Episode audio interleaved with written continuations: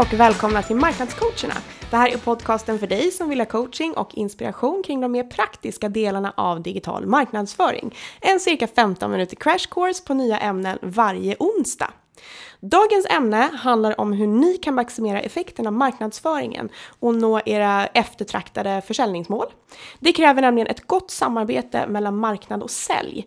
Därför ska ni i dagens crash course få konkreta tips på hur ni kan få sälj och marknad att lira ihop liksom. Så idag är det jag Josefin som håller i podden och med mig så har jag en ny kollega, nämligen Rasmus Hallgren. Vi är båda två digitala B2B-marknadsförare på Business Reflex.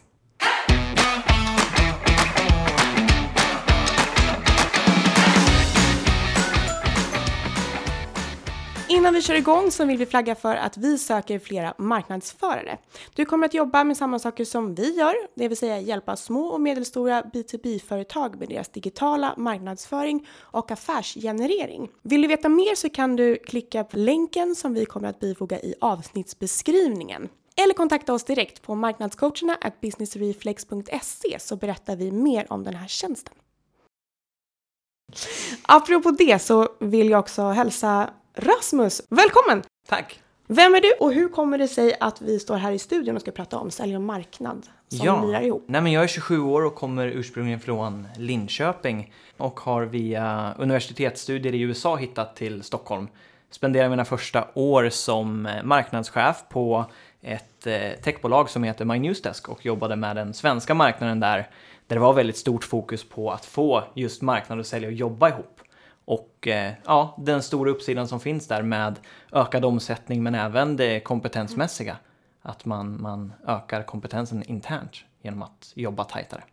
Det finns ju lite av en stereotyp bild, mm, både ja, av absolut. sälj och marknad. Och jag tror att det finns ganska mycket fördomar också. Mm. När jag tänker mig den stereotypa säljarbilden, jag menar en ganska röd, kanske lite burdus och... Bufflig. Ja, bufflig. Ja, som springer in i, i marknad och ropar efter listor mm, och som mm. är kanske ute och springer och bokar möten och är ganska så här snabba i puckarna. Mm. Ja, marknadsföraren är väl ganska annorlunda om man tittar den stereotypa marknadsföraren. Lite mer grön, vill att alla ska kännas bra, det är mjuka värden och kanske lite varumärkesfluff också. Eller det har i alla fall varit det historiskt sett. Vi börjar ju se att det ändras eh, nu då, men absolut, det har ju funnits en, en oerhört stor klyfta. Vi är många marknadsförare och säkerligen säljare också som har upplevt den här klyftan, eller som en annan kollega kallar det för, Grand Canyon. Ett avstånd mellan sälj och marknad. Mm. Ja men det här, det här gnisslet eller avståndet då, vad, mm. vad beror det på tror du? Ofta så handlar det om kommunikation.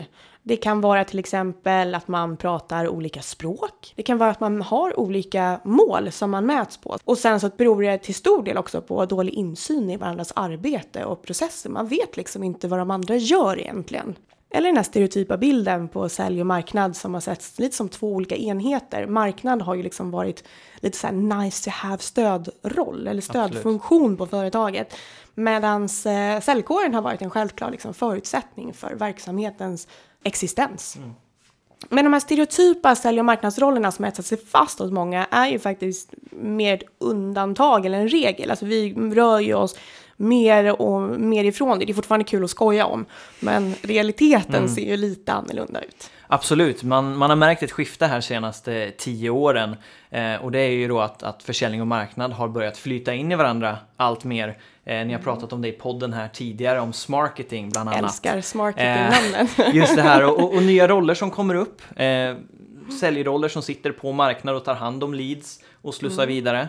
Eh, sen har ju båda yrkesrollerna mognat oerhört den senaste tiden.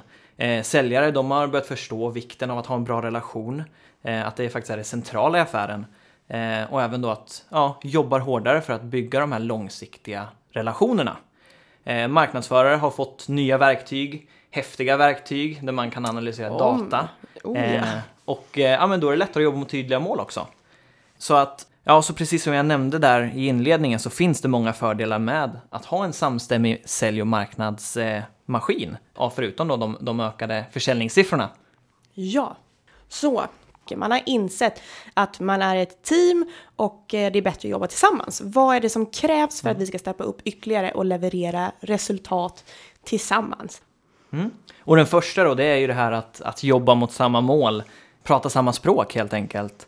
Marknadsföring är ju egentligen en reflektion av, av sälj och försäljningssiffror. Och eh, ja, det funkar sällan att marknad sitter där i sin lilla kammare och, och kommer på häftiga varumärkeskampanjer som, som man kanske gjort tidigare. Jag har ett ganska bra exempel på det på, eh, under min tid på My Newsdesk när vi lanserade en stor kampanj som hette Give a Beep. Eh, den fick ja, över 100 miljoner då i, i räckvidd och vann priser i London och Stockholm. Men den enskilt viktigaste frågan jag fick från mina säljare var hur många leads blev det?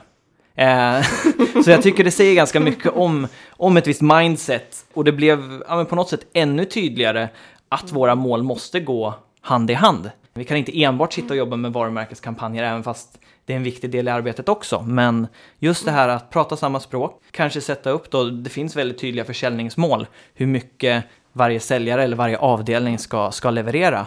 Och då kanske man ska försöka ploppa in marknad där. Vad ska, vad ska marknad stå för? Hur många procent av eh, nykundförsäljningen ska, ska marknaden leverera? Och då blir det mycket lättare att prata med varandra. Mm. Så att de konkreta tipsen där är att ni behöver sätta tillsammans och se över era KPI och sätta tydliga krav på vad sälj ska leverera och vad marknad ska leverera. Absolut. Mm. Och eventuellt sätta ihop någon form av ordlista för att man liksom... för alla förkortningar, MQL, SQL, så ja absolut. När ni säger det här, kvalificerade leads, då menar ni en, ah okej, okay. mm, och så kan man liksom, mm, ja. Precis. Nummer eh, två. Ja, eh, vi pratar ju om, om då det första som är kanske lite mer strategiskt. Nummer två handlar om att sätta upp gemensamma möten. Och det är mer på en, en liten taktisk nivå skulle man säga. Att försöka hitta ett gemensamt forum, exempelvis så, men, redaktionsmöten varje, varannan vecka. Där man pratar om här taktiker, vilka kampanjer levererar, vad fungerar, vad behövs mer och skanna av behov hos respektive part. Ibland så finns det redan befintliga möten som ja, men, på något sätt då är över de här blockgränserna mellan marknad och sälj och då kan man peta in de här taktiska aspekterna där i också. Bjuda eh, in och bjuda ja, till. Verkligen, precis. ta tillvara på båda, för alla sitter ju på insikter. Mm. Och då är det liksom viktigt att få ut så mycket actions som möjligt på det och, och, saker man ska göra efter mötena med. Det ska inte bara vara trevligt utan se till att det händer lite grejer även efteråt. Och det är ju någonting som också vi gör på Business Reflex med våra kunder. Just att ha de här eh, redaktionsmötena. Mm. Vi har ju eh, återkommande redaktionsmöten varannan vecka som vi har med kunder, men vi har ju det här internt också. Där det finns liksom en, en massa olika möjligheter att plocka upp, men vad är det som händer?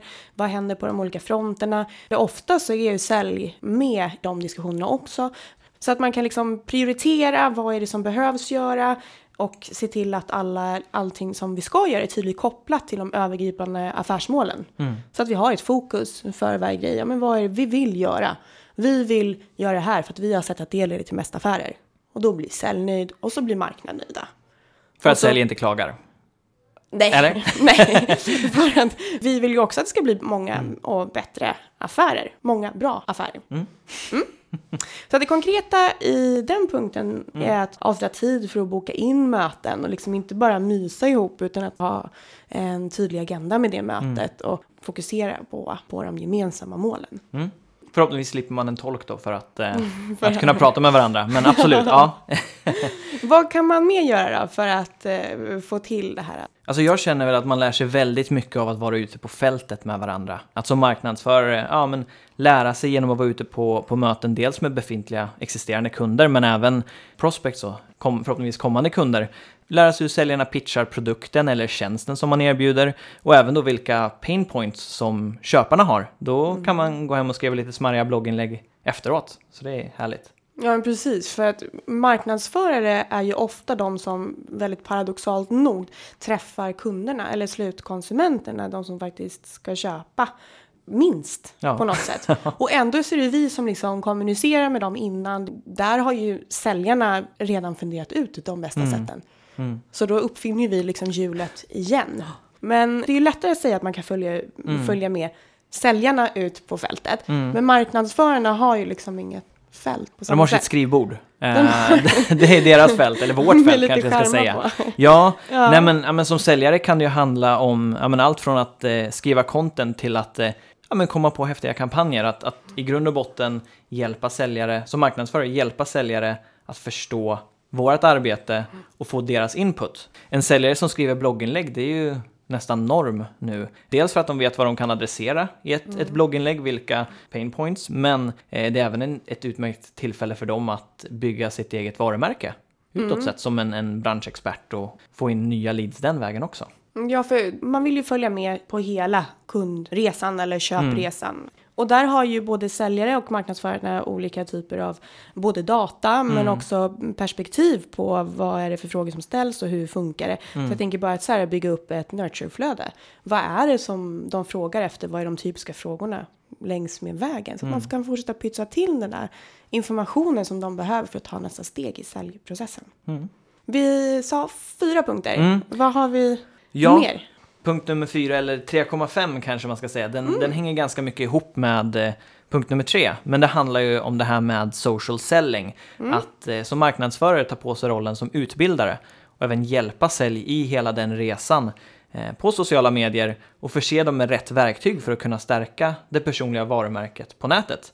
Eh, och det handlar ju om allt då, att utbilda från hur de bygger effektiva LinkedIn-profiler som passar målgruppen som de försöker sälja till.